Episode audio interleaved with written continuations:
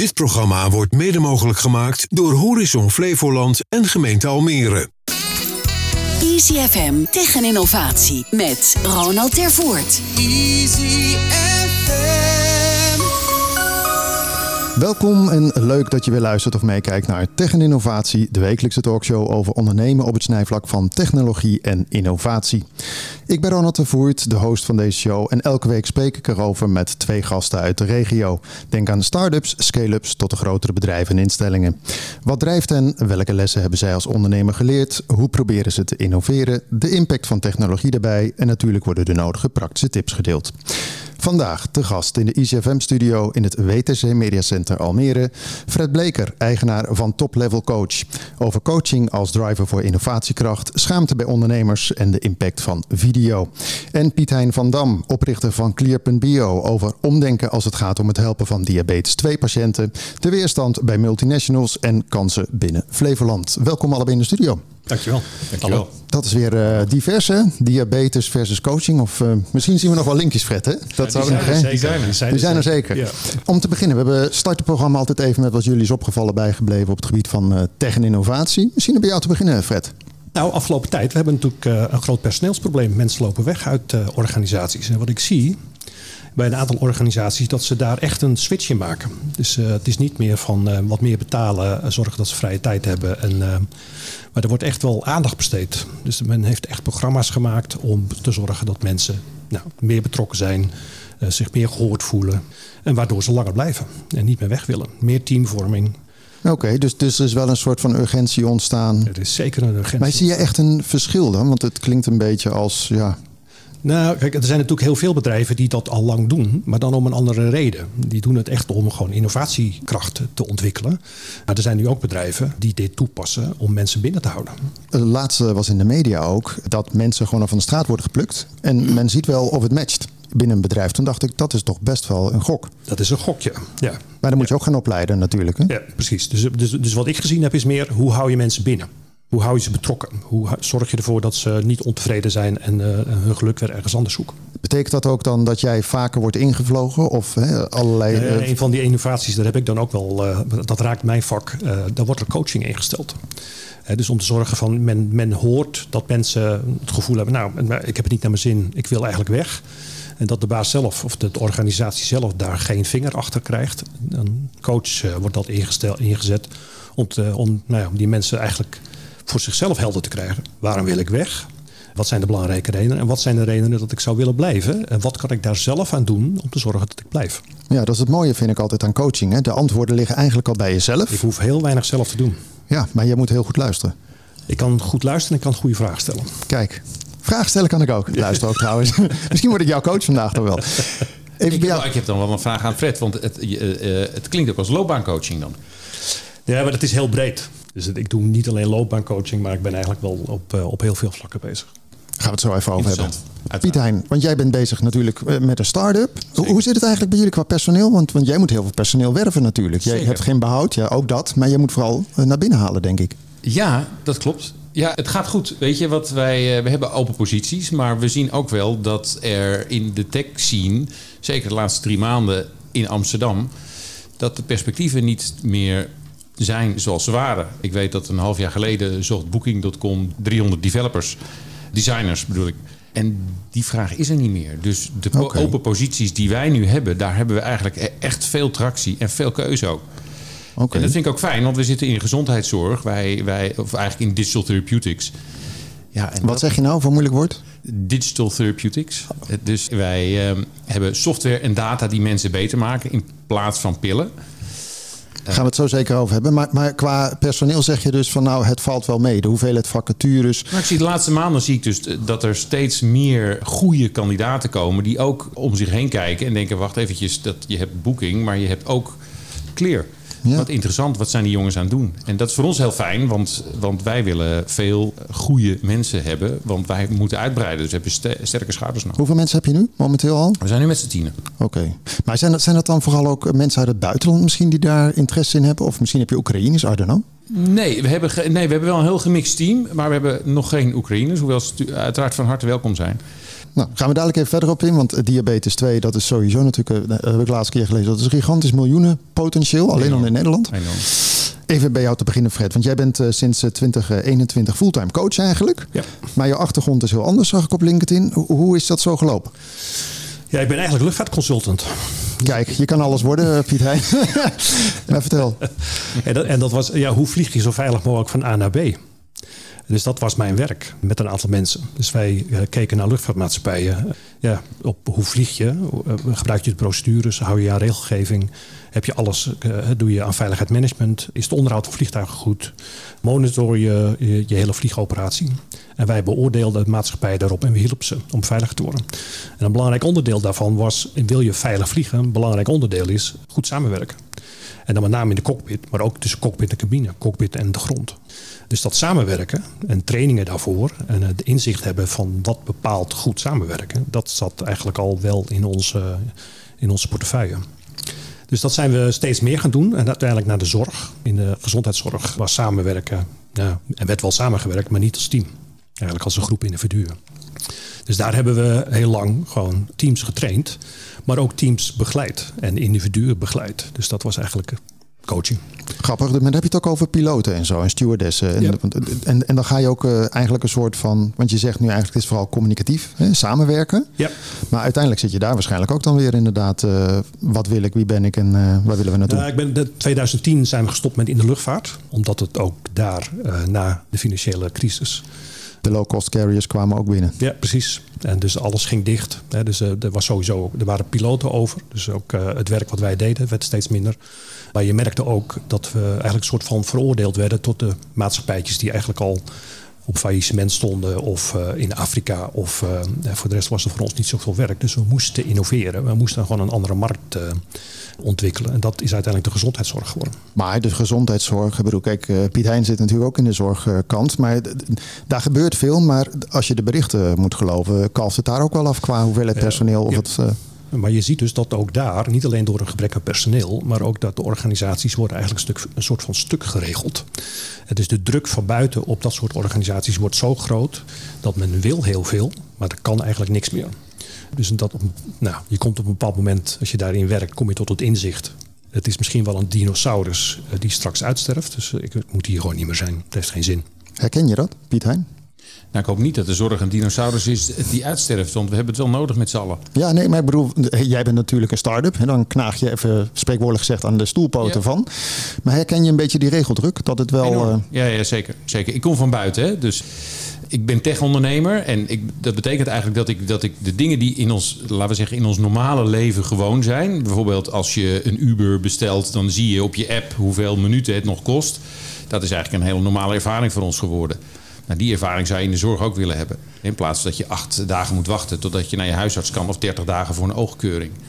En dat is mogelijk. Dus we proberen met zoveel mogelijk ja, dat is dan misschien een ingewikkeld woord, maar toch wel uh, user-centric technologieën, gewoon met productdenken, proberen we te kijken wat is er nou in die keten te verbeteren. Ja, en vanuit de consument wat je zegt, hè? gewoon even niet zenden, maar eigenlijk weer. Uh, ja, de... dat is dus, het, dus in een brede zin is het zorg waar je mee op vakantie kan. Die zit in je telefoon. En je kan hem, je kan hem dat is ook, we hebben een heel ingewikkeld, wetenschappelijk vinden wij zelf een heel ingewikkeld product, hebben we lang aan gewerkt. Maar als we nou aan onze deelnemers vragen van, goh, wat vinden jullie nou het fijnst? Zeggen ze, nou, maar dat je om acht uur s'avonds op vrijdagavond een appje beantwoordt. Ja, oké. En dan kijken, kijken wij elkaar aan binnen het team van, is dat het? En dan denken we, ja, dat is het dus. Maar grappig, hè? soms zijn het juist die kleine futiliteit, om het zo maar te noemen, waar mensen op aanslaan. Of waardoor een concept natuurlijk succesvol wordt. Exact. En ineens realiseer ik me dan van, ah, maar wij, wij, wij zijn, en wij, in die zin concurreren we met de traditionele zorg waar we het net over hadden, waar je moet wachten. En er is natuurlijk geen arts of specialist of hulpverlener die op vrijdagavond om 8 uur je appje beantwoordt. Ja, ja. Maar de Uber doet het wel. Ja, nou, Dat is nou precies wat, wat ik aan het doen ben. Ja. Even nog bij jou, Fred. Want uh, je zegt net, hè, je bent toch geshift uh, zeg maar naar de gezondheidszorg. Maar is dat de enige groep die jij dan bedient of zit het nog veel breder? Ja, dat waren ook wel gemeentes, wat commerciële bedrijven, universiteiten. Dus we hebben wel meer gedaan dan alleen maar die zorg. En waar begint het dan vaak? Want ik, ik denk altijd, ja, een coachinguren. Ik vind het, ik, ik heb een aantal keer een coaching sessie gedaan. Dus zelf betaald, vond ik onwijs tof. Maar als je bij bedrijven vraagt, mag ik een coaching sessie? Bij jullie zal het wellicht anders zijn qua start-up. En jullie zijn er wat meer open voor, neem ik aan, of niet? Voor coaching? Ja. Zeker. Ja, ja ik, zie, ik zie al twinkeling. Ja. Ik kan goed zaken doen straks. Hè. Maar ehm, als je dat dan vraagt, ben je een regulier bedrijf, traditioneel bedrijf, want dat zal waarschijnlijk ook wel zijn waar jij vaak uh, te werk bent, dan is dat toch wel moeilijk, hè? Dat kunnen we zelf wel. Zeker individuele coaching is moeilijk. Want dat, dat doet toch een soort van, ik heb hulp nodig. Als, als CEO of als, als baas, als eigenaar van een bedrijf, dan is het toch heel vaak van, uh, ja, maar dat moet ik zelf kunnen. Ja. Dus waar ik wel vaak mee binnenkom is teamcoaching. Mijn team functioneert niet. Dus het ligt niet aan mij, maar mijn team functioneert niet. Ja. Nou, dat is wel vaak de manier waarop ik binnenkom. En bij ons als start-up zit het echt precies andersom. Wij realiseerden ons dat we een bedrijf aan het bouwen zijn wat nog, wat nog, wat nog niet bestaat. En wat ook niet heeft bestaan. Dus wij, wij moeten wel praten met iedereen en leren van buiten. Want, want ja, niemand heeft voorgedaan hoe je dit doet. Ja. Dus moeten we leren. Maar jullie staan ook veel meer open natuurlijk aan zich natuurlijk voor Precies, hè? je wilt gewoon de wereld verbeteren. Ja. En dat is wat anders dan wij hebben ons domein en daar gaan we hekjes omheen zetten. Ja. We komen dadelijk nog wel trouwens op wat jou is opgevallen bijgebleven op het gebied van tech-innovatie. want we zitten al helemaal in dit gesprek. Nee, ik ben helemaal ik ben paraat. Ja, ja, ja heel goed handvast hoor. hey, maar Fred, als je dan eventjes kijkt, eh, dit doe je dan nu, dat coaching. Doe je dat vooral in de regio of is dat dan door heel Nederland? Ik zit nu op dit moment in uh, Rotterdam, Amsterdam, Almere.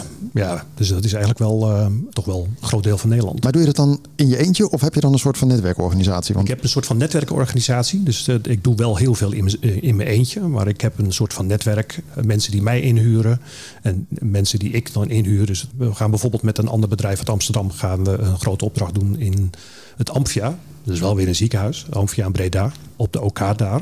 Maar dat doe ik dan weer samen met hun. En is dat dan eigenlijk, of het nou de OK is of ergens anders, een beetje dezelfde flow hoe je het aanpakt, zal ik maar zeggen? Want uiteindelijk heb je het over samenwerken, het doorgronden van je beweegredenen. Toch?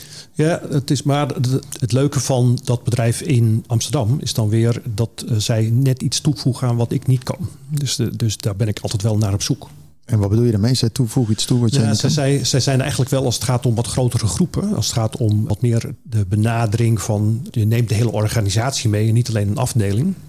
Daar zijn zij, hebben zij gewoon heel veel ervaring mee. En ze hebben daar ook wel hele mooie instrumenten voor ontwikkeld. Dus nou, dat, heb ik bij deze, dat hebben we bij deze grote organisatie... want dat zijn bijna 600 mensen die daar werken...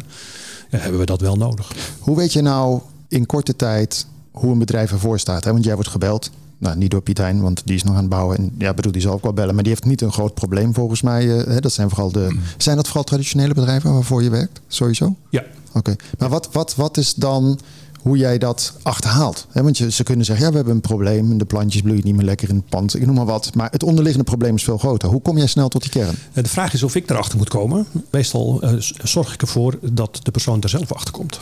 Dat is eigenlijk mijn taak als coach. En ook als teamcoach. Ik doe niet zoveel aan, dat zit wel in me om dat te doen, maar ik doe eigenlijk niet zo heel veel aan de analyse. Ik ga gewoon in gesprek met ze. Ik doe de laatste oefeningen doen, waardoor ze zelf erachter komen.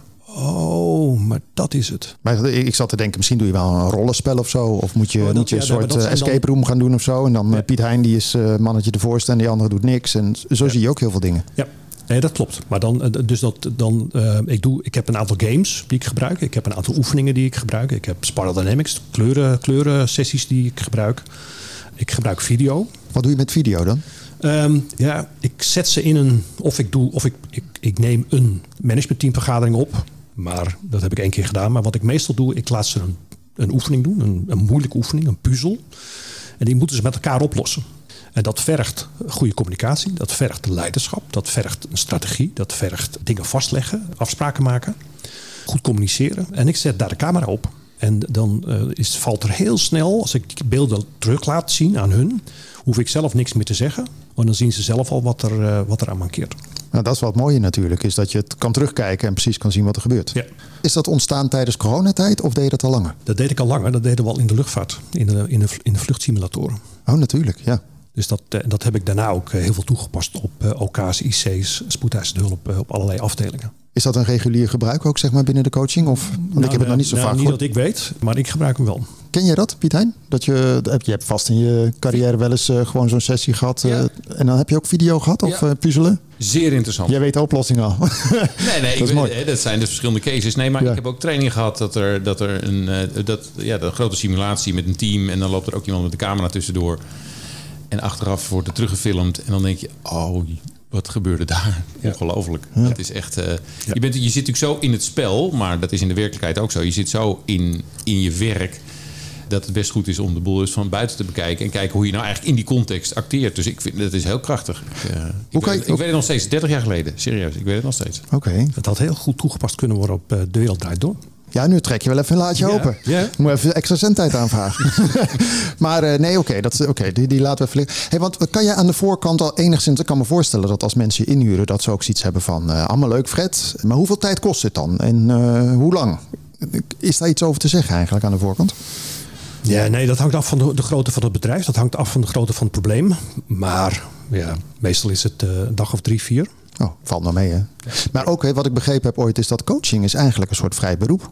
Als ik morgen Ja. eh, een plakkaat op mijn deur hang, coaching. Dat valt me ook nog vaak op. Dat mensen die zelf coaching nodig hebben, gaan een, een soort cursus doen. En vervolgens gaan ze plakkaat op de muur hangen. Toen dacht ik, nou, ik weet niet of dat de beste route is.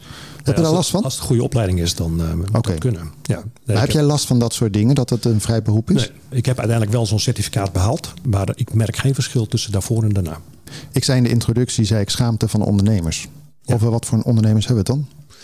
Ja, toch wel de ondernemers van wat, eh, de, de, het midden- en kleinbedrijf. Dus het, eh, onder, de, onder de 50 man. De hardwerkende, Ja, druk met het bedrijf, niet met zichzelf familiebedrijven, eh, druk, zelf opgebouwd. En wat, is, wat bedoel je dan met het aspect schaamte? Nou, zoals ik dat net vertelde, schaamte in de zin van... ja, maar ik moet dit toch kunnen. Ah, zo trots. je het, ja, ja. Ik moet het toch zelf kunnen. Ik, schaam me voor hulp vragen ja. of voor een coachgesprek. Ja, wat moet mijn personeel wel niet denken dat ik hulp nodig heb?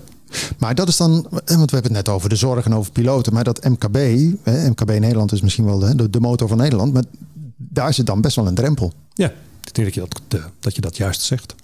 En, zi- en zijn er dan vanuit de overheid wel stimuleringen met subsidies of iets anders? Of is dat, zit dat gewoon zo intrinsiek dat mensen gewoon echt denken van, ah, dat ga ik niet doen. En ik heb toch even de waan van de dag. Ik denk dat de drempel van schaamte zo groot is dat geld eh, uiteindelijk eh, mensen er niet overheen trekt.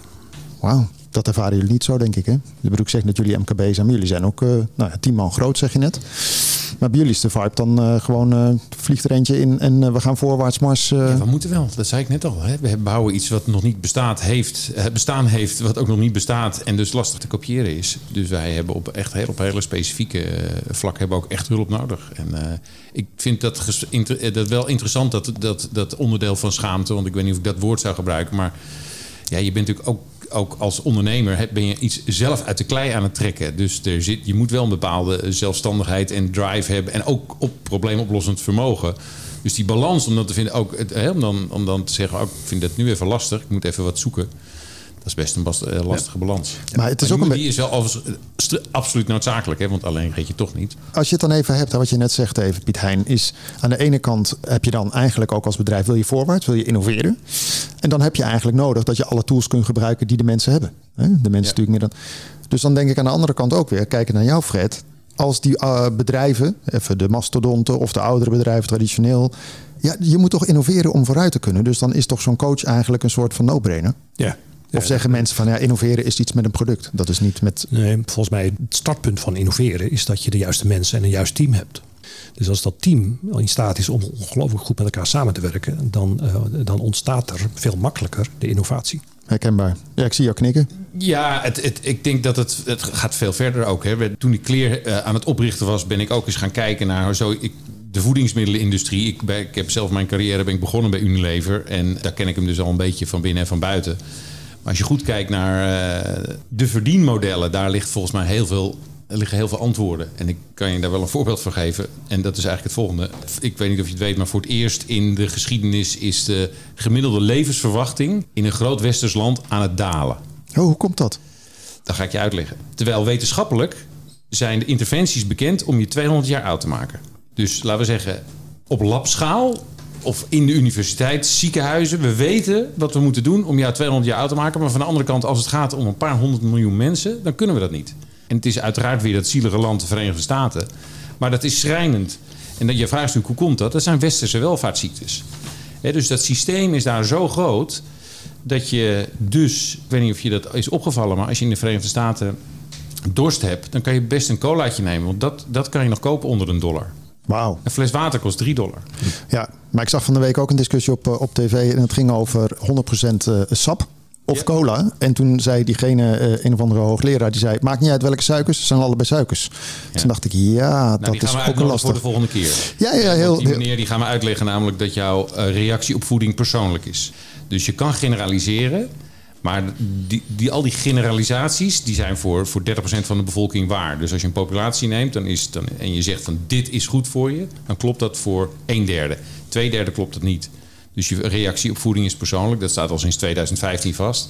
Dus we moeten in de voedingsindustrie, of in ieder geval in, als je het over diëten hebt en over wat je eet en aandoeningen die te maken hebben met, met wat je eet.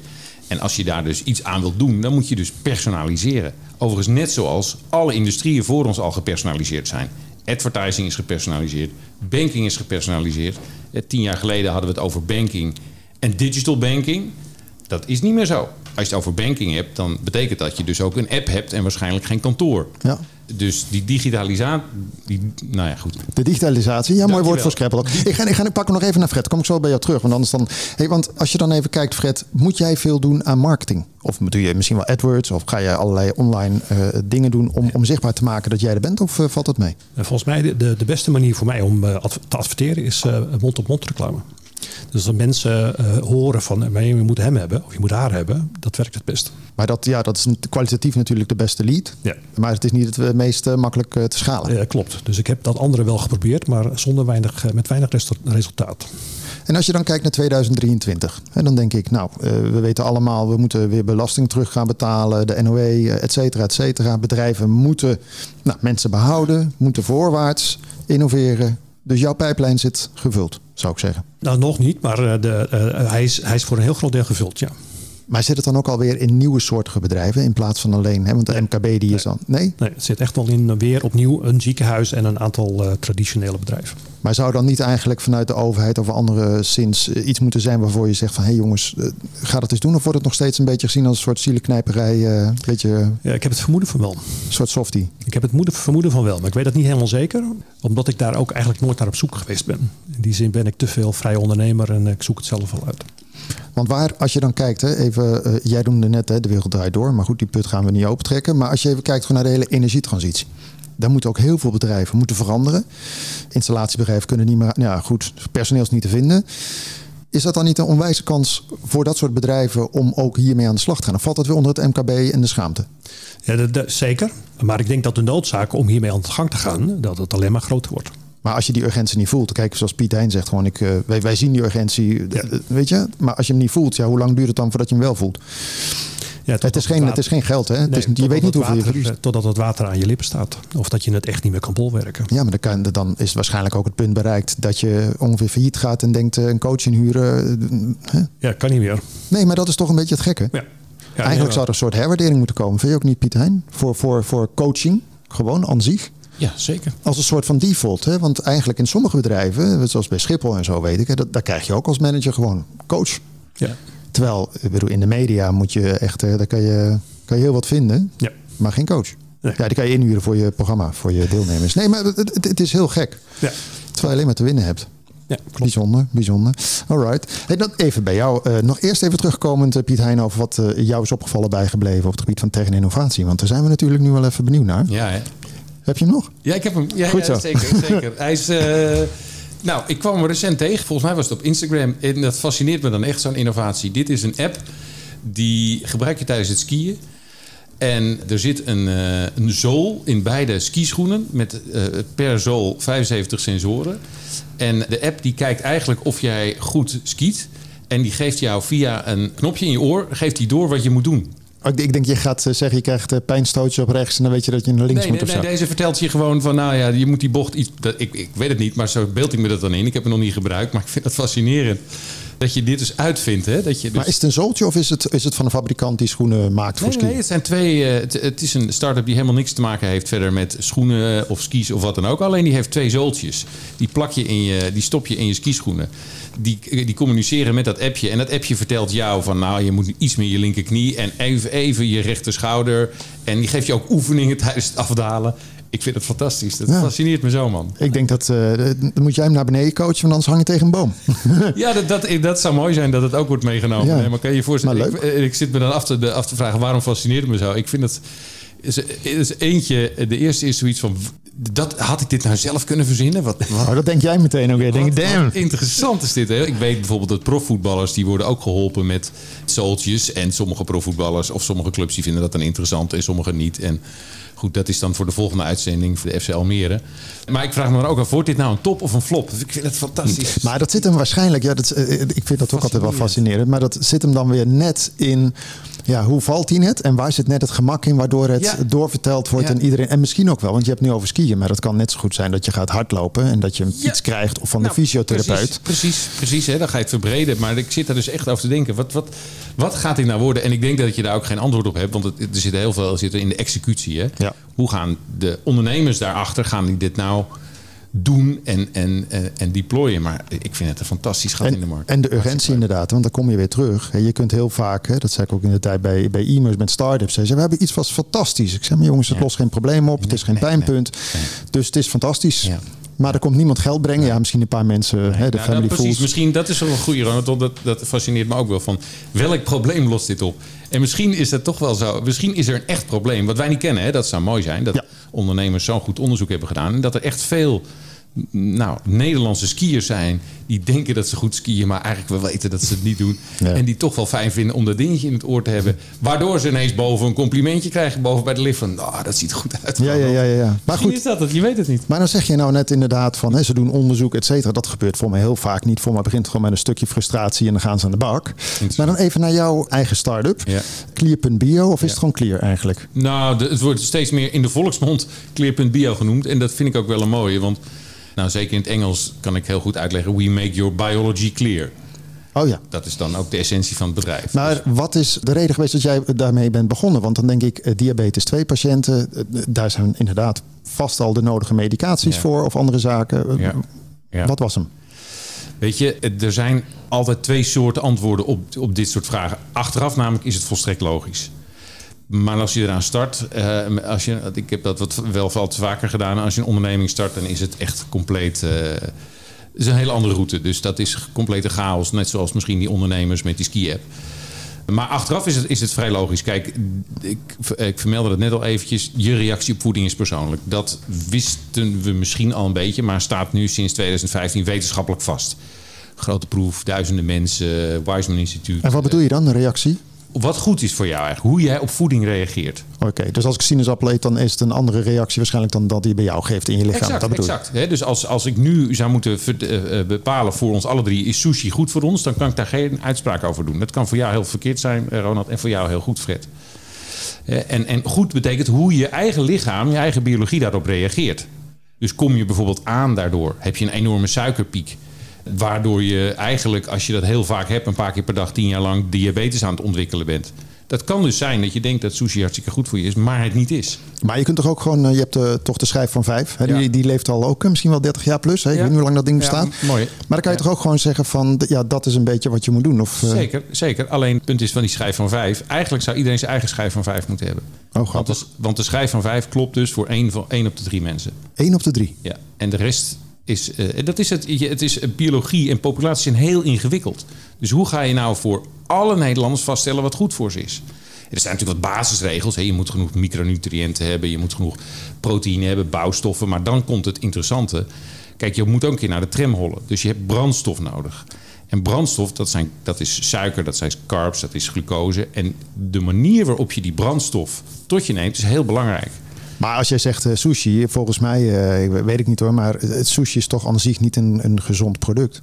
Nee, maar dan, nou ja, misschien maken we dan te ingewikkeld. Maar je moet naar een paar aspecten kijken. Dus, dus eh, als jij dus, het, nogmaals, het kan heel goed zijn dat jij enorm, ehm, heel erg leidend is de piek die je hebt na je maaltijd. De suikerpiek in je lichaam.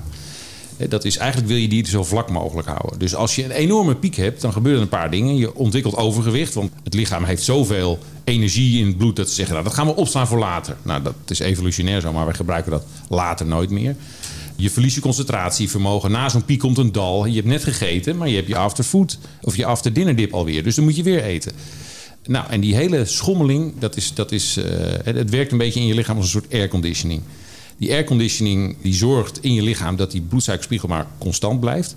Maar als dat enorm uit gaat slaan, dan gaat die airconditioning heel hard werken. Dat is hetzelfde. Dus, dus maar heel lang iets eten wat niet goed voor je is. Hetzelfde als, als de airconditioning aan met de voordeur open. Ja. Ik ga zo even naar Fred, want Fred heeft een vraag volgens mij. Maar ik wil even, mijn vraag was, hoe, hoe ben je nou op gekomen? Want de, diabetes 2 is niet iets van de afgelopen hè, drie, vier jaar dat jullie bezig zijn. Het bestaat te langer. Ja, kijken naar de data. Dus we hebben... maar, meneer, maar wat was de trigger dan? Nou, dat vertel ik je toch net. Nee, maar, had je, nee, maar was er iemand in je omgeving die zei van nou, dit werkt helemaal niet? Of, uh... Nee, de, hè, dus de wetenschap die zegt je moet personaliseren. Er is technologie die kan helpen om te bepalen wat voor jou. Oh, en dat was er nog niet. En, dat, was er nog niet. Dat heb ik bij elkaar gebracht. En toen hebben we het eerste wat je moet doen, is dan zoveel mogelijk aan zoveel mogelijk mensen verkopen. Zorg dat zoveel mogelijk mensen meedoen. Dat waren er duizenden. En dan ga je naar de data kijken en dan ga je zeggen wie zit er echt om te springen. Dus dan kom ik terug bij jou, uh, Ronald. Dan ga je kijken waar is het probleem het grootst. Dus we hebben ondernemers geholpen, we hebben Olympische sporters geholpen, we hebben eh, stocktraders geholpen, we hebben diabetespatiënten geholpen, we hebben iedereen geholpen. En we kwamen erachter dat hoe verder weg je doelstelling is, hè, ik wil de beste versie van mezelf zijn, is best ver weg. Ja, hoe minder eigenlijk, hoe minder groot het probleem was. En we zagen dus dat de grootste problemen waren bij diabetespatiënten. Die zaten er echt om te springen. En dat als start-up is stap 2. Want je moet je niche gaan claimen. En dan zijn er mensen die zitten er zo om te springen dat ze het niet erg vinden dat het nog een zeventje is, het product. Want ze willen er met de, en daar ga je het meeste van leren. Nou ja, dat is eigenlijk antwoord op je vraag, hoop ik. Ik ga even Fred. Jij, jij zit een brandende vraag. Heb jij? Nou, uh, ik zat te denken, want uh, diabetes wordt veroorzaakt onder andere door, niet de, door de verkeerde voeding. Ja. Er zijn ook nog andere redenen waarom je diabetes 2 kunt krijgen. Nou, je, ik denk dat je onderscheid moet maken tussen diabetes 1 en diabetes 2. 10% van de mensen heeft diabetes 1, dat is aangeboren of dat is ontwikkeld, maar dat is, dan doet de alvleesklier het niet. Maar diabetes 2 is 90% van de mensen, er zijn een miljoen in Nederland. Er zijn nog eens een miljoen mensen die hebben dat, maar die weten het nog niet, prediabetes. Er komen er duizend per week bij.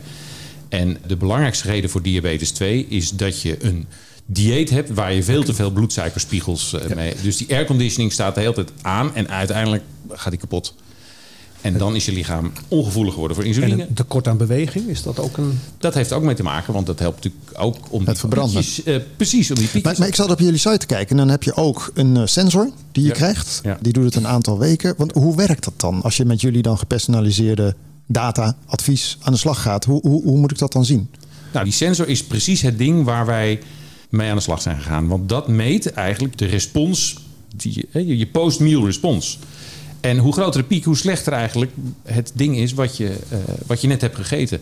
Dus we zijn heel simpel zijn we gewoon gaan begrijpen. Hè? Dus Ronald, jij, stel je doet twee weken mee. Je hebt de sensor op je arm. Je begint de eerste dagen gewoon met het loggen van wat je echt eet. Dus je maakt een fotootje. Of je vertelt even, ik heb vanavond macaroni op met kaas. En uh, dat hebben we heel simpel gemaakt. Dus dat moet je loggen in de app. En dan kijken wij meteen hoe je op die macaroni hebt gereageerd. En we kunnen jou binnen twee uur vertellen van nou, dat moet je eigenlijk niet meer doen.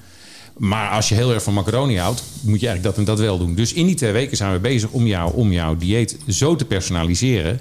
Dat je daar zo vlak mogelijk doorheen komt. Je voelt je meteen fitter. Dat, dat is echt direct merkbaar. Of je nou diabetes hebt of niet.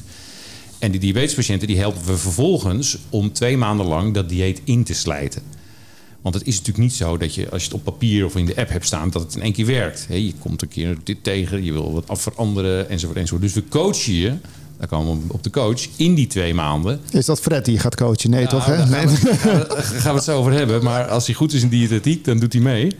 En maar dat is echt zo. Dat is best wel uh, arbeidsintensief, zal ik maar zeggen. Want je hebt wel de data en je legt het zink. Ja, uh, exact. Maar gedrag veranderen. Hè? Ik bedoel, ik zeg altijd, maar in de reclame-industrie besteden ze miljoenen om jou van ja. Eh, pak koffie A naar B te krijgen. D dit is vaak wel ingesleten gedrag. De cola's, bedoel, trek een gemiddelde koelkast open.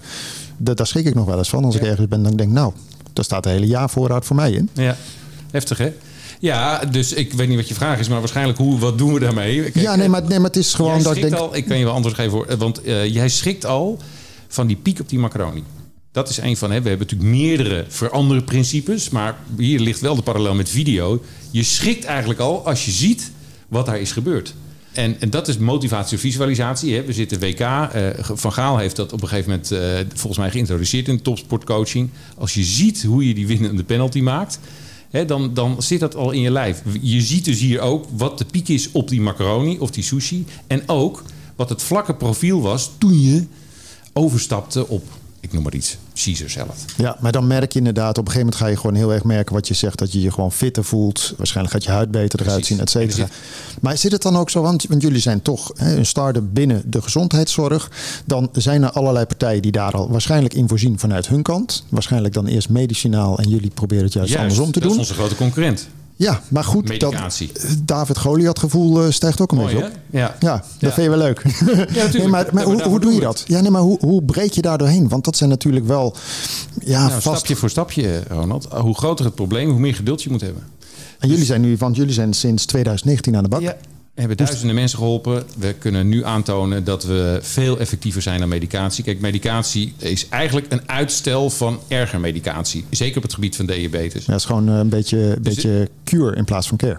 Zeggen ze dat altijd toch? Beetje van, het is een beetje pap en nat houden en eh, succes ermee. Hè, dus, de, de, de- dus wat die medicatie doet, is die houdt je dan... Nou ja, goed, na een paar jaar moet je dan erger... Hè, dan ga je van een orale medicatie ga je naar... eh, moet je je gaan zelf met insuline gaan injecteren. Het gevoel in je vingers gaat achteruit. Misschien nog een probleem met je nieren... of, of een, een, een teen die moet worden afgezet. Het is echt gruwelijk. En er zijn genoeg mensen waarschijnlijk die luisteren... of die mensen kennen die dat hebben. Diabetes 2 is echt een down, downward slope. En die medicatie, daar wordt natuurlijk heel veel in verdiend. Dan komen we op het businessmodel. Dus Ja, de pharma die wordt er blij van natuurlijk. er wordt, er prachtige. eh, en het is ook goed, hè, maar eh, het, het medicijn, 70% van de diabetespatiënten in Nederland krijgt als eerste metformine voorgeschreven. Weet je wanneer het is uitgevonden, metformine? Geen idee. Een eeuw geleden. Letterlijk dit jaar. Dus we kunnen ook de uitzending wijden aan 100 jaar metformine. Dus niks is er eigenlijk veranderd in die tussentijd. Hè? Maar hoeveel mensen, als je, als je bij Behalve jullie... alles. Ja, maar als je bij jullie die cyclus ingaat, ook, ook even gelet op de tijd. Want hoeveel percentage is dan na bijvoorbeeld een maand of twee, ik weet niet hoe lang dat duurt, is daarin ja, voldoende veranderd qua gedrag dat het echt wel blijvend is en je, je doelstelling, zal ik maar zeggen, Ja, dat is een goede vraag. 70% zit in een verlaagde risicocategorie binnen drie maanden. En van die 70% is nog eens de helft kan stoppen met medicatie.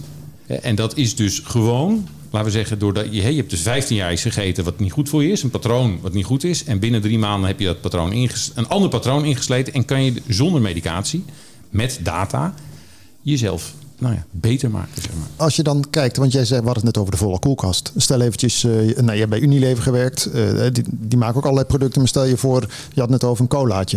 Dan kun je toch net zo goed even naar eh, cola zeggen van jongens, let eens even op. Want wat je nu creëert is eigenlijk een ja, groot potentieel voor jullie product. Maar dat is niet ons doel. Ja, We we willen mensen gewoon een betere levensstijl geven. Ja. Is dat geen optie? zeker. En wat zeggen ze dan? Nou, dat is, dat is wel grappig, want ik heb een, een- een maand of drie geleden bij een hele grote wereldwijde frisdrankfabrikant gepitcht. Het was doodstil in de zaal. En daarna begonnen ze, zei ze, daar is de deur en succes? Of, eh? Bijna wel. Er waren, het was 25 man van de R&D-top. En ik zeg, oké, oké, weten jullie dat de regio's waar jullie het meeste verkopen... dat daar ook het meeste diabetes voorkomt? En dat interesseert ze geen fluit natuurlijk. Doodstil. Ik zeg, is er dan iemand hier in de zaal verantwoordelijk voor corporate social responsibility? En toen bleef het stil en, eh, en het was een, eh, ik ben weggegaan, ja. Maar goed, even terug op, op, op waar we het eerder vandaag over hadden. Dit gaat dus over verdienmodellen. Dus ik ga niet innoveren in de farmacie, want die verdienen goud aan medicatie. Ik ga ook Ja. niet innoveren bij frisdrank, want die verdienen goud aan het verkopen van suikerdrankjes voor onder een dollar. Dus daar moeten we het niet van hebben, jongens. In Nederland, als je even kijkt in Nederland, welke gebieden zijn nou vooral, nou ja, waar diabetes 2 eh, vooral eh, leeft, speelt? Nou, er zijn meerdere regio's, maar de grootste regio's zijn eh, Flevoland en Rotterdam. Daarom zitten we hier. Ja, want die connectie hier. Maar de- hoe kan dat dan? Is dat dan de levensstijl die hier gewoon, de, ja, Ik vind het een goede vraag, maar ik, ik Dat is voel me niet helemaal gekwalificeerd om Nee, een duidelijk antwoord. Het heeft allemaal met sociodemografie te maken. En Als ik jou zo hoor, eh, eh, eh, diabetes ontwikkelt zich. ja, Dus ik heb het, ik heb het, mijn indruk is dat ik het nu nog niet heb. maar het, het zou het kunnen dat hij het heeft, of ik. zeker. Want zou, ik het, zou ik jouw systeem kunnen gebruiken om te voorkomen dat ik het krijg? Zeker. Zeker. Dat is dan, dan ga ik, dat is, het is leuk dat je het vraagt, want we hebben dan een primeurtje, Ronald, als dat mag vandaag. ja, bing bong, komt Want voor, daar komt hij de primeur. Wong, wong, wong. Want we hebben twee proposities. Eén hebben we het net over gehad. Hè, dan maken we je beter. Maar er is ook eentje om te zorgen dat je fit blijft. En even te checken hoe ver je van die risicozone zit. Je denkt dat je het niet hebt. Ronald denkt ook dat hij het niet heeft. Ik hoop het voor jullie. Maar het kan wel. Het kan wel. En eh Zilveren Kruis, de grootste verzekeraar in Nederland, heeft net besloten om ons in een aanvullend pakket te stoppen. Dus als je daar 60 plus bent en je wil in het extra vitaalpakket, dan zeggen ze, nou dan hebben we nog wel iets, want we kunnen je helpen om ver van die risicozone te blijven. Maar ik zag ook uh, ergens op LinkedIn volgens mij een bericht staan dat Achmea een aandeel had genomen in jullie bedrijf. Toen dacht ik, nou, dat is lekker positief. Ja, dat vind ik ook positief. Kijk, de gezondheidszorg is natuurlijk super ingewikkeld. Hè? Misschien voor Fred wat minder, want die zit er al lang in, maar voor een buitenstaander is het bijna ondoorgrondelijk. Dus het is heel fijn dat er nu een verzekeraar zegt, wacht eens eventjes, hier zit muziek in. En zoveel muziek dat wij jou gaan helpen om binnen Nederland en daarbuiten op de juiste plekken terecht te komen. Kan je nou met dit sensortje en, en de tool die jullie hebben, de oplossing, kan je daar ook andere zaken mee gaan meten eigenlijk? Of is het echt specifiek diabetes 2? Nee, we kunnen er heel veel mee. Maar als start-up moet je wel focussen. Ja. Want wat voor, wat voor medicijn is dit dan? Oké, het is geen medicijn, het is data, maar waar helpt het voor? Dus je moet klinisch bewijs hebben. Maar uh, dit is heel sterk gerelateerd met overgewicht heel sterk met uh, cardiovasculaire problematiek. Zwangerschapsdiabetes, heel acuut probleem voor 30.000 patiënten in Nederland, waar je ook heel graag. Dus er is veel meer mee te doen. En Ronald, ook als je een betere Olympische Spelen wil draaien, dan helpt het ook. Maar goed, nogmaals, focus. Dus dit is onze focus. Ja, nou ja, en uiteindelijk, als je wat je zegt, als je dit gaat doen als, als burger zijnde, dan verlaag je uiteindelijk ook de zorgkosten. Uiteindelijk wel. Dus ja, uiteindelijk zou je zeggen, overheid stimuleert het gewoon eens eventjes. Ja, ja. Maar goed, ik las van de week ook weer iemand, hè, er was die Amerikaanse dame van uh, Terranos. Die had elf jaar gevangenschap ja. uh, krijgt ze. Ja, alsof je het krijgt, cadeautje. Maar toen, toen dacht ik, dat lijkt me ook lastig in de medische wereld, of waar jij ook zit, is dat, dat je een oplossing hebt dat mensen zeggen ja, dat zal wel niet zo zijn of uh, data dat is ingewikkeld. Weet je, bedoel dat speelt dat of uh, valt het wel mee? Zo'n achterdocht naar. Nou, er zijn nee, het is, je hebt zeker groot gelijk. Er zijn landen. Het clear werkt in Nederland goed, dus we zijn extern aan het kijken. Er zijn landen waar, waar nu al wordt gezegd, Piet Hein, een dokter, een huisarts in ons land gaat jullie nooit voorschrijven. Die zijn traditioneel opgeleid, Zuid-Europa medicatie, dat is het. Dus die gaan echt geen data voorschrijven voor jou. Dus het klopt wat je zegt. Ja, moeten, we, moeten we een andere manier verzinnen. Ik ben even benieuwd. Als je naar je eigen bedrijf kijkt en je kijkt onder de motorkap, wat is dan het succes van jouw bedrijf? Wauw, misschien is het dan toch wel. Ik zou twee dingen zeggen. De eentje is hoe groter het probleem, hoe meer geduld. Dus wij knagen elke week een klein stukje af van de grote problematiek. En ik denk van de andere kant ook wel dat we kwaliteit in de relaties leggen met de, de zorgaanbieders. Uh, we zijn echt aan het luisteren hoe, bij de grote zorggroepen in Almere en in Rotterdam hoe hun werk zit. ik ken ook concurrenten van ons die halen veel meer geld op en die zijn gewoon aan het rammen. Maar die komen tegen dezelfde errors aan, dezelfde problematiek. Dus ik denk die combinatie van, van en ik kan natuurlijk wel iets vertellen, nog iets moois vertellen over de technologie en dat we het allemaal begrijpen. Maar als, ik denk dat de succesfactoren is dat het, het is een volwassen bemanning, zeg maar, die begrijpt dat het, dat het omverduwen van de muur best even gaat duren. Maar die ook begrijpt dat het noodzakelijk is. Want we doen natuurlijk helemaal niks aan preventie in Europa of waar dan ook. En de enige manier om, om aan te tonen dat. Uh, ik ben aan het aantonen dat je daar geld in kan verdienen. Want dat, is, dat is denk ik. En dat je uiteindelijk ook de zorgkosten in Nederland tot staan kunt Precies. De verhoging van de zorgkosten tot staan nou, Maar als hij zegt ook een miljoen en er komen er nou, nog een miljoentje bij, dat, zijn uh, onder de streep veel. Twee dingen nog in het kort. Concurrentie. Heb je daar uh, veel last van of valt het wel mee? Het valt niet mee. Het valt niet mee, dus je hebt ze. Ja, zeker. Je hebt okay. altijd concurrentie. Okay. Jij kan, als, de concurrentie treedt als op bij onze deelnemer. Die kan kiezen of hij dit doet of naar een pil gaat. We hebben ja, ja, mensen die lopen de zaal uit en die zeggen, nou, ik heb liever een pil. Ja. Hey, en uh, jij noemde het even qua funding, qua hè, conculega's. Uh, want dit, dit is nog wel kapitaalintensief, lijkt ja, mij. Enorm. Veel angel investors, of hoe moeten we dat zien? Zeker. Ja, dus we komen steeds verder de, de, down the road, zeg maar. We hebben nu onze laatste series, seed series opgehaald. Maar uh, ja, daar zit heel veel. gelukkig hebben we heel veel angels en ook heel veel goede VC's die hebben gezegd: luister eens, hier zit muziek in, dit moet gebeuren. En uh, jullie nemen het ondernemersrisico, wij nemen het financiële risico. Oké, okay. nou ja, en wat je net zegt, als je in de zorgverzekering gaat zitten, bedoel, je hebt steeds meer proof. Hè? Ja. De product market fit had je al zeggen. We zijn uh, sowieso al richting het eind van het programma. We kunnen nog heel lang doorkletsen, maar goed, uh, dan gaan we ook de wereldrijd door aanpakken. Misschien wel, hè? Dat, daar heb jij vast wel ideeën over natuurlijk als coach. Hè? Zeker. Dat lijkt me een wondercase voor jou. Maar goed, dit, dat mag je niet ja, zo Dat is een beetje achteraf, hè? ja, ja, ja. had ik eerder ingeschakeld moeten worden. Ja, nou ja, ik heb ook lang in tv gewerkt en op zich, de, ik moet zeggen, dit is natuurlijk een excess. En ik keur het ook niet goed. Maar er zijn wel meer programma's, zal ik maar zeggen, waar het speelt. En er komt steeds meer naar voren. Maar goed, achteraf is altijd makkelijk uh, kletsen.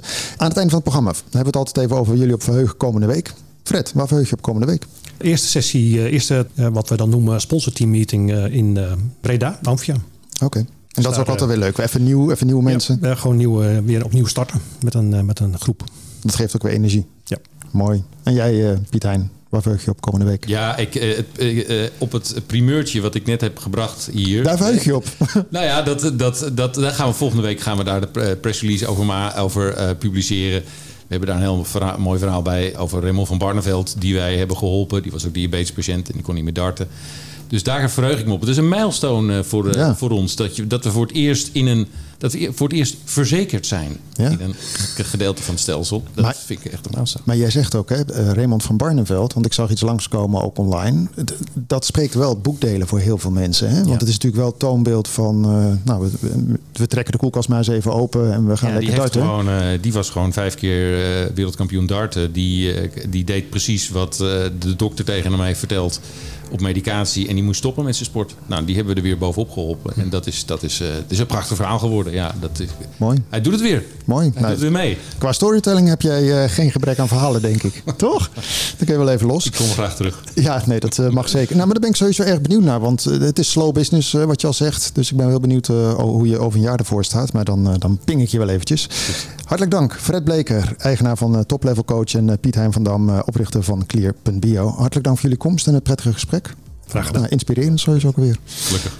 Ik uh, dank jou ook hartelijk voor het kijken dan wel het luisteren naar deze uitzending. Wil je nog meer uh, afleveringen bekijken of luisteren, dan kan je natuurlijk terecht op de streamingplatformen, dan wel de app van EasyFM. Graag tot volgende week. Dit programma werd mede mogelijk gemaakt door Horizon Flevoland en gemeente Almere.